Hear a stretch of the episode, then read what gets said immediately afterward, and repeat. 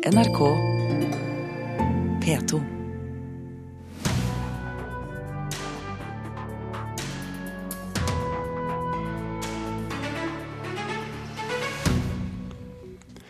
La Nasjonalgalleriet bli en filial av oss. Det vil sikre bygget en kunstfremtid. Det foreslår direktøren for Aros i Danmark, Nord-Europas største kunstmuseum. Innspillingen av filmen 'Lords of Chaos' er i gang, men fortellingen om drap og kirkebranner faller ikke i god jord i black metal-miljøet i Norge. Og bli med oss til den andre siden av kulturen. Vi tar deg med på stumfilmaudition. Dessuten er det jo fredagspanel i dag, og vi diskuterer prisen på TV-drama, kjendisbiografiene fra tenåringene og hvorvidt Aftenposten grønnmaler Statoil i nytt eh, samarbeid. Nord-Europas største museum vil gjerne flytte inn med en filial i Nasjonalgalleriet når Nasjonalmuseet flytter ut. Det sier Erlend Høyersten, direktør ved Aros, Århus kunstmuseum i Danmark. Diskusjonen om eh, Nasjonalgalleriets fremtid har vært mange etter at det ble bestemt at Nasjonalmuseet skal flytte til et nytt bygg på Vestbanen. Statsbygg og Universitetet i Oslo arbeider for at Kulturhistorisk museum skal overta de ærverdige lokalene. Og samtidig så foregår det en voldsom kamp for at Nasjonalgalleriet fortsatt skal huse kunst, slik det var ment fra starten. Og nå gir altså Høyersten kunstforkjemperne nytt håp det ville kunne være mulig at Aros lager en filial på Nasjonalgalleriet i Oslo. Det sier Erlend Høiersten, direktør på Århus kunstmuseum, Aros. Men da uten offentlig støtte. Eh, men hvor vi rett og slett sier at egen drift, altså besøk, eh, egen kafeer, restauranter, barer, eh, utleie osv. vil mu være mulig for å finansiere noe sånt som dette her. Aros er et av Nord-Europas største kunstmuseer, og i 2015 var 820 000 mennesker innom bygget. Dette er mer enn både Kulturhistorisk museum med vikingskipene og Nasjonalmuseet for kunst og design.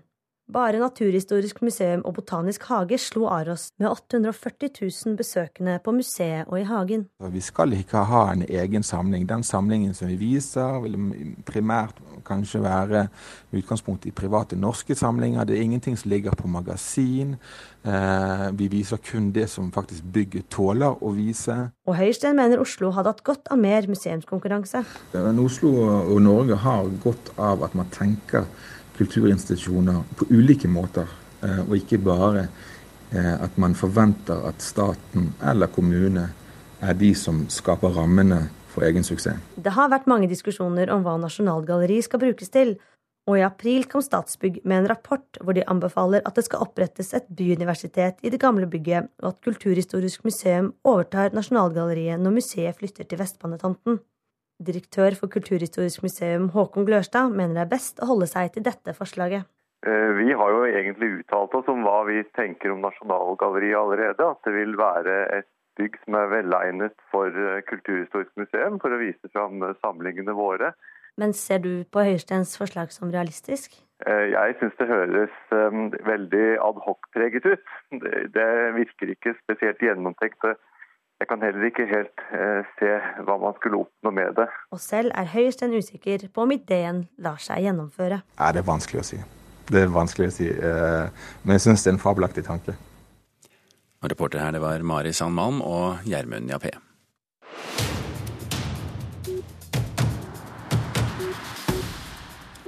Vi skal ta en titt på hvordan kulturlivet ser ut i avisen i dag. Og kulturreporter Nikolai Voldsdal, eh, her får bl.a. mediekonsernet Skipsted spørsmål om de opptrår dobbeltmoralsk i sin omgang med Google. Ja, Dagens Næringsliv forteller i dag at Skipsteds ungdomsavis Aftenposten Ung sammen med syv andre norske medieprosjekter har blitt tildelt til sammen 18 millioner kroner i runde nummer to fra Googles innovasjonsfond for nyhetsmedier. Mm. Men det er ikke mer enn to uker siden, siden to uker siden uh, Skipsted-sjef Rolf Erik Rysdal gikk hardt ut mot Google og avviste et samarbeid med giganten. Eh, han uttalte da eh, om at de, altså Skipsted, hadde lagt alle eh, annonseplasseringer på Facebook og Google, så hadde det bare vært to av de to aktørene igjen, og det hadde ikke vært heldig. Skal, derimot sier VGs nyhetsredaktør Gard Steiro at det er uproblematisk om de skulle åpne for samarbeid med Google, selv om skipsledelsen lukker døra. Og samtidig kaller PR-ekspert Kjell Terje Ringdal dette for et PR-fremstøt fra Google, og at de nå deler ut penger som et uttrykk for makt. Ja, la oss snakke om noe helt annet. La oss eh, gå til kritikk av NRK, og nærmere bestemt julekalenderen 'Snøfallet'. Det er fosterforeldrene denne gang. Hva er, hva er problemet? Altså, Norsk fosterhjemsforening advarer nå mot å la fosterbarn se serien alene. Eh, den handler om ni år gamle Selma som har bodd hos den strenge fostermoren Ruth siden hun var tre år.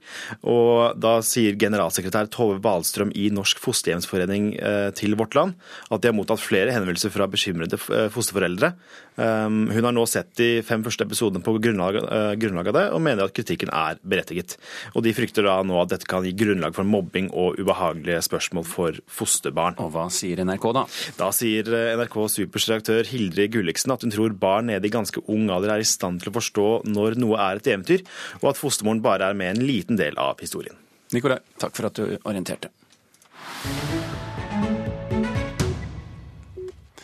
I over ti år har det blitt forsøkt å lage en film av boken 'Lords of Chaos', som handler om de tragiske hendelsene i norsk black metal-miljø på 90-tallet. Deriblant eh, drapet utført av Varg Vigernes. Vikernes.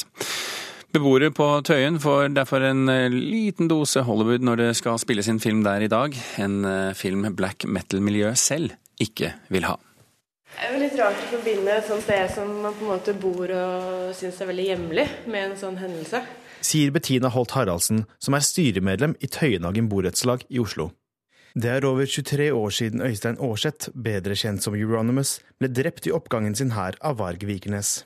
Nå skal drapet, kirkebrannene og andre hendelser i det norske black metal-miljøet filmatiseres i Hollywood-filmen Lords of Chaos, basert på boka med samme navn. Filmen skal regisseres av svenske Jonas Åkerlund, som bl.a. har laget musikkvideoer for Beyoncé, Lady Gaga og Britney Spears. Inger Marie Lie har bodd i borettslaget siden 80-tallet, og forteller hendelsen slik hun opplevde det. Når det kom på Facebook da, at det skulle være filminnspillinger, da kom det liksom tilbake. Tenkte etter. Å ja, stemmer. Gikk ut om morgenen. Skulle på jobb. Alt var sperra her og fikk telefoner om hva som skjer. Helt siden begynnelsen har filmprosjektet blitt sterkt kritisert av black metal-miljøet. Blant annet har Jørn Stubberud, som er originalmedlem og spilte i pionerbandet Mayhem sammen med Aarseth, tidligere uttalt at han vil gjøre alt for å få filmen stoppet. Til NRK skriver han i en SMS at han og bekjente sliter med at filmen fokuserer på disse hendelsene. Jeg kan ikke tenke meg at de synes at dette er den minste stilig. Det sier musikkjournalist i Aftenposten, Harald Fossberg, som har skrevet black metal-historieboka 'Nyanser av svart'. Han tror det er vanskelig for folk som var i miljøet på den tiden å svelge at filmen lages, spesielt på stedet der Aarseth døde. Men altså, å filme det i et borettslag der hvor det faktisk har foregått et drap, altså det er jo, det er jo liksom ja, Gjenskape et drap, det er, det er, ganske sært, da. Det er ikke rart. altså Det er en kontroversiell bok. Den var kontroversiell allerede da den kom ut. og det er jo, som, som sagt, det er vel få, om noen av de som er beskrevet, eller som dukker opp i den boka, og som syns beskrivelsen i den boka var noe, særlig, eh, var noe særlig treffende. Medforfatter bak boka Lords of Chaos, Didrik Søderlin, vil ikke kommentere saken overfor NRK. Det vil heller ikke fire og et halvt film som gjør opptakene her i Norge. Tilbake i oppgangen forteller Lie og Halvorsen at de er spente på hvordan de tragiske hendelsene i black metal-miljøet blir som kinofilm, og hva det kan bety for deres område på godt og vondt. Hvorfor ikke? Det var jo en stor og fæl sak den gangen, så hvorfor ikke dokumentere det? Vi vet jo ikke hvordan det blir med den filmen her nå. Vi håper jo ikke at det skal bli en slags uh, sånn pilegrimssted for, uh, for de som er interessert. Ja. Reporter her, det var uh, Nikolai Voldsdal. Nå skal du få en setning som du ikke trodde du ville høre noen gang. Stumfilmpianister har mye makt. Ok, Det handler selvsagt om makten over hvilke følelser man skal få når man ser stumfilm. Det er som du kanskje kan tenke deg, ikke så ofte at uh, jobber som stumfilmpianist er å få tak i. Så når det først blir lyst ut en stilling, så ble vi med på audition. Jeg blir stort sett ikke nervøs uh, når jeg skal spille. Jeg blir nervøs hvis jeg føler at jeg ikke har noen form for kontroll, eller hvis jeg føler at jeg kan bli overrumplet på en ubehagelig måte. Vi er på Cinemateket i Oslo, og om bare få minutter så skal han David Skinner på jobbintervju. Ja, jeg har bare gjort det en gang før, så det, det blir interessant. Og det er ikke til hvilken som helst jobb. Han David han vil nemlig bli stumfilmpianist. Da jeg var uh, et barn, så hendte det at jeg slo av lyden på TV-en og spilte til TV-en. Og nå tenker vi at ja, jeg begynte å spille da jeg var veldig liten, da, så det skjedde ganske tidlig i barndom. Så det er litt sånn en reise tilbake til da, på en måte. Vi kan egentlig bare gå inn, vi. Ja. Og nå kommer det inn en hel gjeng som skal bedømme om han passer til jobben. Jan Langlo er leder for Cinemateket, og han vet hva han ser etter. Når man lager stumfilmkonserter med band f.eks., så er det bare egentlig en konsert med en film som er et sånn bakteppe. Eh, og Det er ikke det vi er ute etter. Vi vil eh, skape filmopplevelser. For oss er jo filmen i førersetet, og musikken skal hjelpe filmen. Det er altså musikk med film i bakgrunnen. Og nå skjer det. David setter seg bak pianoet.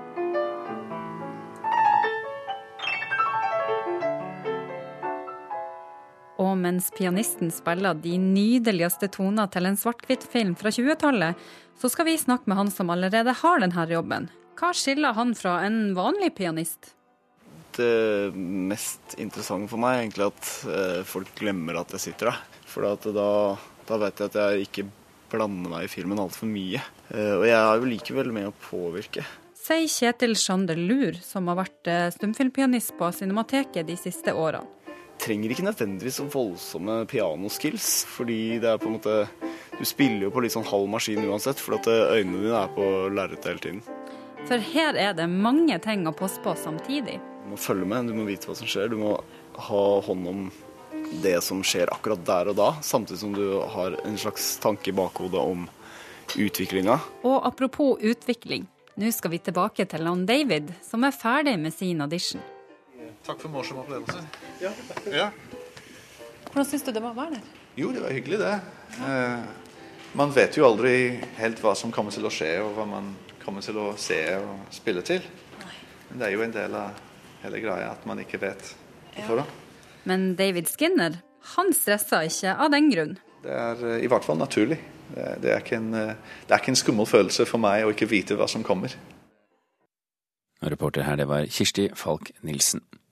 Kampen om nynorsk i den nye store vestlandsregionen det vekker sterkt engasjement i distriktet. De fleste høringssvarene i de tre fylkene handler alle om å ha nynorsk som administrasjonsspråk. Og leder i Noregs Mållag, Magne Aasbrenn, han har fått med seg alle reaksjonene det her treffer veldig hjertet på folk. Jeg tror nok at politikerne ble overraska over hvor mye språk betyr for folk i, i denne regionssaka. Mange reagerte da fylkesordføreren i Rogaland uttalte at nynorsk er unaturlig for rogalendinger. Fylkesordføreren motsetter seg nynorsk administrasjonsspråk og språk fra staten, da fylka på Vestlandet forhandla fram intensjonsavtalen om storregion. Men nå sier vestlendingene ifra om hva de mener. Vi merker jo et, et, veldig engasjement her. Siden slutten av oktober har alle hatt mulighet til å komme med innspill til vestlandsregionen. Om lag 80% av innspillene som har kommet inn, har handla om at en vestlandsregion må ha nynorsk som hovedmål. Jeg tror at folk har språket veldig tett på identiteten, og, og, spesielt så er det jo sånn i Sogn og Fjordane. Det er høringsfrist i alle fylker denne måneden, og den går først ut i Sogn og Fjordane 23.11. Magne Aasbrenn er ofte innom fylkene sine nettsider for tida det jeg driver med om dagen, er jo å sjekke høringssvarsidene hos de tre fylkeskommunene. Og når jeg så at han Jon Fosse hadde svart, og svart så fort, så blei jeg veldig glad. Og det der han sier med at en kan ikke tenke seg Vestlandet uten nynorsk og nynorsk uten Vestlandet, det er jo veldig sant, og en veldig fin formulering å ta videre og si videre. Så jeg håper virkelig nå da at folk i Sogn og Fjordane sier fra at uh, noe region uten nynorsk, det går vi ikke med på. Innspillet har svært varierende form, og Aasbrenn forteller at det ikke nødvendigvis krever så mye mye å komme med innspill? Ja, Det kommer helt an på hva du legger i det. Hvis du ser på de svarene, så er det noen av dem som ser ut som de er bortimot sendt på SMS, og så er det andre som er mer gjennomtenkte. Jeg syns det er en veldig styrke at, at høringssvarene ikke er så veldig polerte, at det her kommer rett fra hjertet til folk. Reporter her, det var Anders Tesdal Galtung. Klokken har passert 17 minutter over åtte. Du hører på Kulturnytt, og dette er toppsakene i Nyhetsmorgen nå.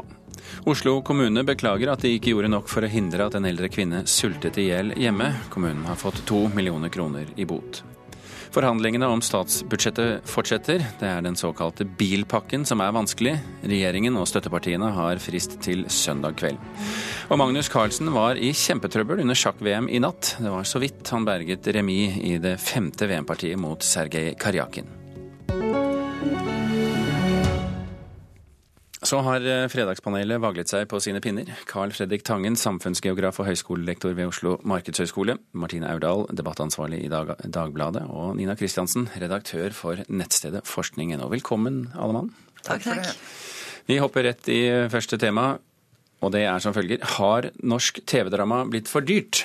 Eller bør det kulturfeltet som kanskje engasjerer folk flest om dagen, få økt støtte? Det diskuterte vi her i Kulturnytt denne uken, og spørsmålet vårt går også til dere. Har norsk TV-drama blitt for dyrt? Nei. Nei. Nei. Nei. Så når eh, Arne Bergen, en av de erfarne eh, TV-dramatikerne i Norge, sier at det har blitt for dyrt, så mener dere at han farer med tøys? Det mener jeg ikke. Han har jo jobba mot til Cæsar og produsert masse hvor hver eneste altså, hvor, hvor, tida er ganske, ganske, billig. Så blir det massiv jobbing og mange som får erfaring og sånn. Men det er jo det overordna at alt skal være, skal være billig. Altså, norsk TV-drama trenger penger. Altså, det, det, vil, det vil koste, koste, mye, og noe bør eh, være dyre programmer også. Har eh, Erdal eh, TV-bransjen noe å lære av Berggren her? Ja, jeg leste en artikkel som han skrev i Rushprint nå, som eh, jo var fascinerende. Hvor han, hvor han skrev om hvordan de som skriver seriene, ikke kan økonomi, og det er ikke en del av utdannelsen. Og det burde det jo kanskje være. Men jeg syns jo den svært strippa versjonen han skisserte av hvor billig det er mulig å gjøre, både var forlokkende, men også ikke bør være målet på, eh, på suksessen eh, norsk TV-drama. Eh, og så har jo utgiftene blitt firedobla så vidt jeg skjønner, på få år. Og det er klart det koster penger, men nå har vi jo da endelig fått store internasjonale suksesser. Og det har jo både vært målet, og det må vi applaudere, rett og slett. For det er kanskje ikke sånn, Nina Kristiansen, at man skal forsøke å gjøre eh, f.eks. en serie som Nobel billigst mulig, og ikke dra utenlands for å skyte inn eh, disse krigsscenene osv.? Det, det er der han har et poeng, da, og jeg tenker at eh, for spørsmålet bør heller være må all TV, norsk TV-dramaproduksjon være dyr? Mm. Det må det jo ikke. ikke Noe kan jo være billigere. Og hvis statlig støtte blir en sovepute, og at det er jo det som er kritikken hans, er at fordi man, han sier at man kaster penger etter dem, og at det er liksom ikke begrensninger på hvor mye penger man kan bruke. Så det er klart at det, eh, ambisjonen må jo være å lage godt drama, og ikke uh, se på budsjettet først. Men er det ikke et poeng også da at at, er ikke det hele poenget hans? At man kan lage godt drama? For han, Det er jo ikke det at han vil uh, renonsere på kvaliteten. Han vil bare at man skal oppnå den kvaliteten for en billigere penge. Og, og der har vel alle noe å lære? Det er jo spennende. Hvis du har et godt TV-dramaproduksjonsmiljø i Norge, så vil det jo komme unge sultne som gjør det kanskje billigere da. ikke sant? Og det er jo en utfordring til dem. Og at ikke alle får eh, hauger av penger som han ser ut til å påstå at man gjør da. Nei, men Det er jo hvordan du skal gjøre det billig også. Hvis du gjør det billig ved å Det er kanskje litt av Cæsars-kritikken, ved å bruke uprofesjonelle folk som tjener veldig dårlig fordi at de vil liksom være med. Hvis du har folk ansatt som skal liksom være trainee eller lære seg miljøet og derfor ikke får lønn Det er jo i hvert fall Filmproduksjon har jo operert litt sånn i grenseland mellom arbeidsmarked og, og frivillighet. og At det bør være et profesjonelt eh, TV-produksjonsmiljø, det syns jeg er helt eh, klart. Vi hopper til neste spørsmål. Kjendisbiografier av unge idoler som Marcus og Martinus, Sofie Elise og Martin Ødegaard, eh, de gjør det godt på salgslistene. Men vi trenger ikke biografier av så unge mennesker, sa nynorskmannen Ottar Grepstad i Kulturnytt og litteraturanmelder Katrine Krøger i Dagsnytt 18 denne uken. Spørsmålet eh, vårt er trenger vi sånne biografier? Nei. Jo jo, klart vi gjør det. Ja. Ja, hvorfor sier du nei, Kristiansen? Vi trenger det ikke. ikke, ikke sant? Altså jeg, egentlig så hadde jeg liksom lyst til å si at det bør være 67 års aldersgrense for å skrive biografier. Og så tenkte jeg kanskje at eh, Kulturrådet kunne gi unntak til sånne som Jens Stoltenberg og sånn. Men, vi, men, men, jeg mener jo ikke det. fordi at vi trenger ikke disse biografiene. Men er det bra at ungdom leser disse biografiene? Ja. De kunne bare kalt dem noe annet. Mm. Er det Nei, jeg syns jo det blir uh litt trist da, hvis vi skal forbeholde biografisjangeren til de som er eh, over 70 år og, og prisbelønt forfatter, eller 67. Eh, jeg har kjøpt Marcus og Martinus-biografien eh, til dattera mi på seks. Hun har lest hele flere ganger og elsker det. Og det å få seksåringer til å lese sakprosa, det er et mål i seg sjøl. Så det er helt strålende at de finnes. Mm, og her sa hun stikkordet 'datteren', fordi det er skille mellom gutter og jenter i dette sjiktet, Carl Fredrik? Skille mellom hvem som leser uh, hva. Hvem som leser? Ja, hvem som leser, hvem som leser hele tatt. Men det er, jo, det er jo ikke umulig å få gutter til å lese på forskjellige måter. Harry Potter er jo et godt eksempel på en bok som blei guttebok. og og, men det er sånne temaer, og det er jo litt det disse biografiene er. Det er temabøker, handler om fotball, en fotballspiller eller en artist eller noe sånt. Da kan du også rette det mot, uh, mot gutter.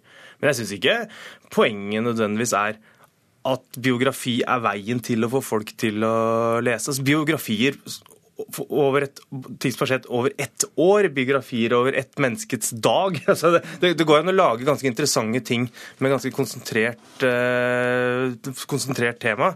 Så men jeg tror vel at mange av disse biografiene er ganske dårlige.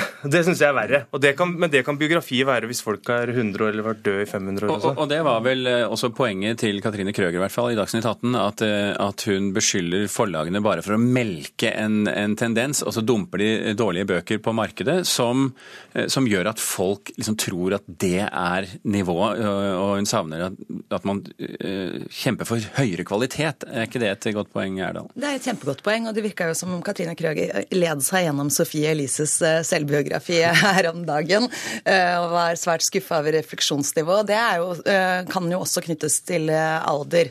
Det er klart det. Men, men, poenget her må jo være kvalitet, og ikke hvor gamle de er. Altså, Marcus og Martinus er jo bare 14 år, men de har jo opp opplevd mer enn eh, veldig mange gjør gjennom et liv, i hvert fall sett fra den veldig unge målgruppa sitt ståsted. Altså, for min seksåring er jo det her en, en verden eh, som er mer enn nok eh, å skrive om. Og så skal vi utfordre forlagene på å ha høy nok kvalitet, men det er ikke det samme som skulle holde denne sjangeren hellig, ren og rank. altså. Jeg, jeg, tenker jo det at altså, Når de begynner å snakke om at den ikke er innafor sjangeren, og sånne ting, så tenker jeg at det er, er ikke så nøye. Eh, det er ikke det, som, det du bryr deg om? Det er ikke det. ikke sant? Det som er litt sånn pussig, er at disse folka oppsummerer livet sitt i en veldig ung alder. Men at det er god eller dårlig litteratur er ikke så viktig i forhold til ungdom eh, og leselyst. Altså At barn leser er jo bra. Og vi leste jo Bopsy-barna og annet helt elendig litteratur. Eh, poenget er at du får leselyst av å lese, da. Og at eh, du skal lese så lenge som mulig. Og så litt seinere enn seks år så skiller jo jenter og gutter seg og lønner å holde, seg, holde i dem, da. Det er jo en lidelse med politikere som er 70 eh, år og skal omskrive historien med seg sjøl som helter. Altså. Det, mener du? Svært varierende kvalitet der også, vi, det kan vi slå fast. Vi, vi skal eh, holde oss til både kvalitet og lesing. Aftenposten gjennomfører i disse dager fem debatter i de store byene om klima, innovasjon og oljebransjens fremtid. Med seg som samarbeidspartner har de oljegiganten Statoil. Aftenposten grønnmaler Statoil, sier Natur og Ungdom, og spørsmålet vårt er er dere enig? Nei. Ja. Nei. Hvorfor sier du ja?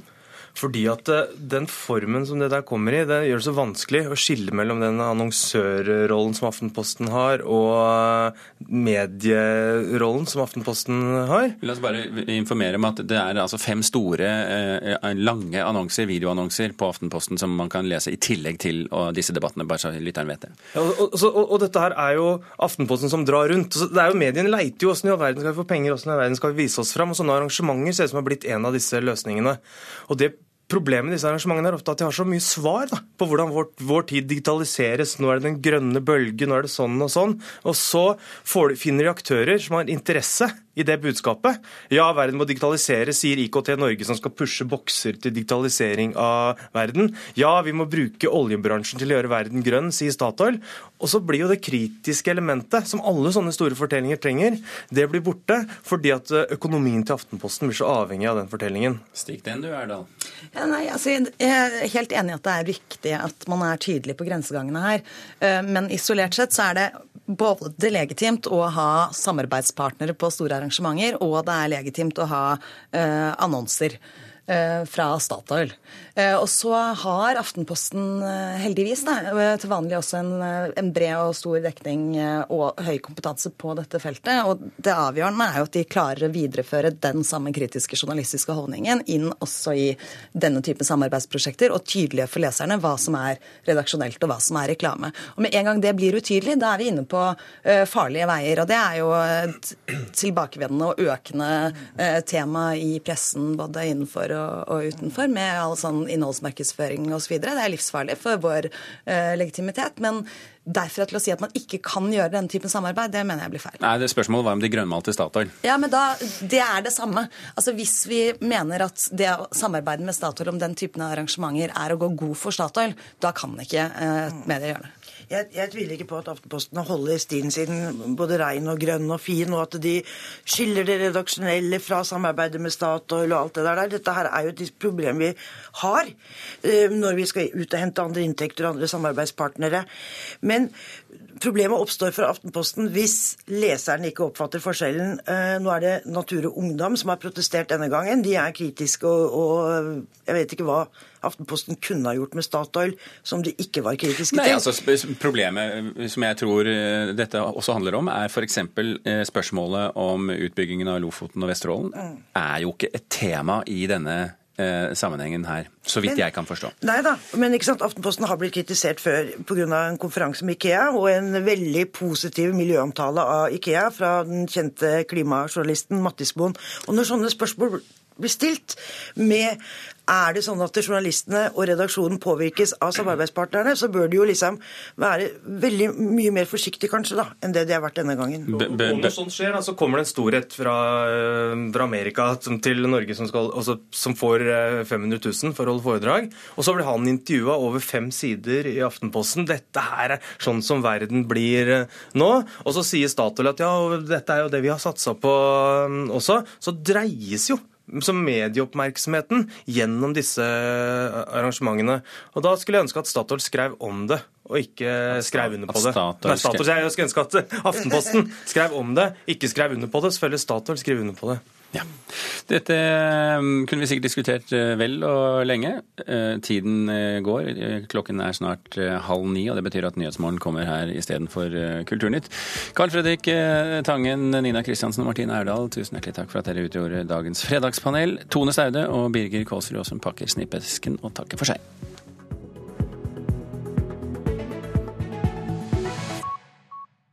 Hør flere podkaster på nrk.no podkast.